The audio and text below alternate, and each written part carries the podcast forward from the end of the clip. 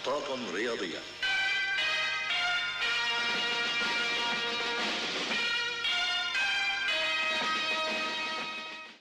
مرحبا أهلا وسهلا فيكم بمحطات رياضية رجعنا لكم مع المونديال نبتدي بالمباراة الأولى بين السعودية وبولندا. المباراة اللي انتهت بفوز بولندا 2-0 كنت متوقع فوز السعودية طبعا كالعادة خابت توقعاتي. بنبلش بالمنتخب السعودي اللي أمتعنا وفاجئنا صراحة بهالمونديال كان كان مسيطر على المباراة كليا استحواذ وفرص حتى النقلة من الدفاع للهجوم كانت ممتازة. كان بس بيعيبوا اللمسة الأخيرة قدام الجول. أبرز حدث صار بهالمباراة هو تضييع آه، سالم الدوسري لضربة الجزاء.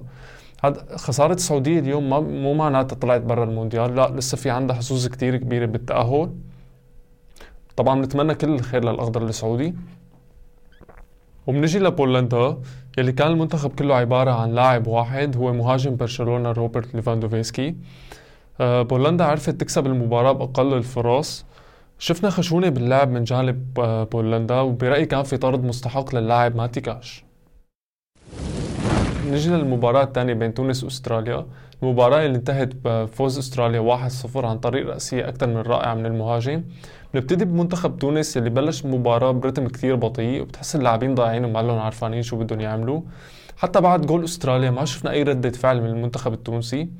تونس لحد هلأ ما سجلت ولا جول بالمونديال. هذا بيوضح لنا ضعف العناصر الهجومية وبعتقد لازم المدرب يجري تبديلات على الم... يعني في عنده عناصر على الدكة أقوى من الأساسية. شفنا لقطة أكثر من رائعة من الجماهير التونسية بالمدرجات. رفعوا علم الفلسطيني بالمدرجات. المنتخب الأسترالي بعد ما خطف الهدف الوحيد بالمباراة استبسل بالدفاع وكانت قراءة المدرب المميزة للمباراة هي السبب الرئيسي بالفوز. تونس لسه ما خلص امل تونس بالتأهل لسه عندها تأهل لسه عندها أمل بالتأهل بس فرصتها كتير صعبة. نجي المباراة الثالثة بين فرنسا والدنمارك، المباراة اللي انتهت بفوز فرنسا 2-1، هذا الفوز خلى فرنسا تكون أول المتأهلين بشكل رسمي لدور ال 16 بلشت المباراة بضغط من فرنسا أما الدنمارك اللي كانت راكنة الباص آه راكنة الباص حتى تسجيل فرنسا الهدف الأول. هون شفنا الدنمارك فاقت ونجحت بالتسجيل. آه، فرنسا ما اقتنعت بالتعادل ضلت تضغط وتهاجم حتى سجلت هدف الفوز. بنجي للمباراة الأخيرة اللي كانت بين الأرجنتين والمكسيك المباراة اللي انتهت بفوز الأرجنتين بصعوبة 2-0 كان لازم يبلشوا هاي المباراة من الشوط الثاني لأنه حرفيا كان الشوط الأول عبارة عن تضييع وقت وما له جنس الطعمة ما شفنا ولا هجمة من الفريقين آه كان عبارة عن استحواذ عقيم.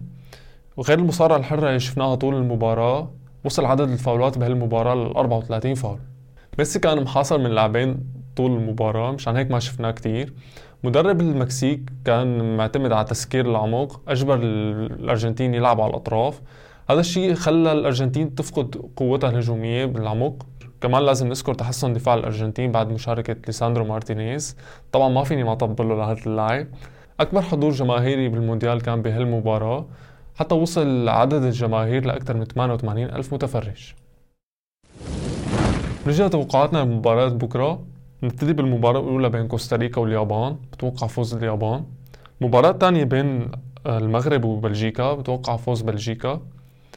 المباراة الثالثة بين كرواتيا وكندا بتوقع تكون مباراة حلوة وبتوقع فوز كرواتيا. المباراة الأخيرة معنا والأحلى للمباريات من مباريات بكرة هي بين إسبانيا وألمانيا. هالمباراة إذا فازت إسبانيا على ألمانيا بدنا نقول لألمانيا bye bye. فشلوا. آه شكرا كثير لكم ما تنسوا ال like وال share وال subscribe peace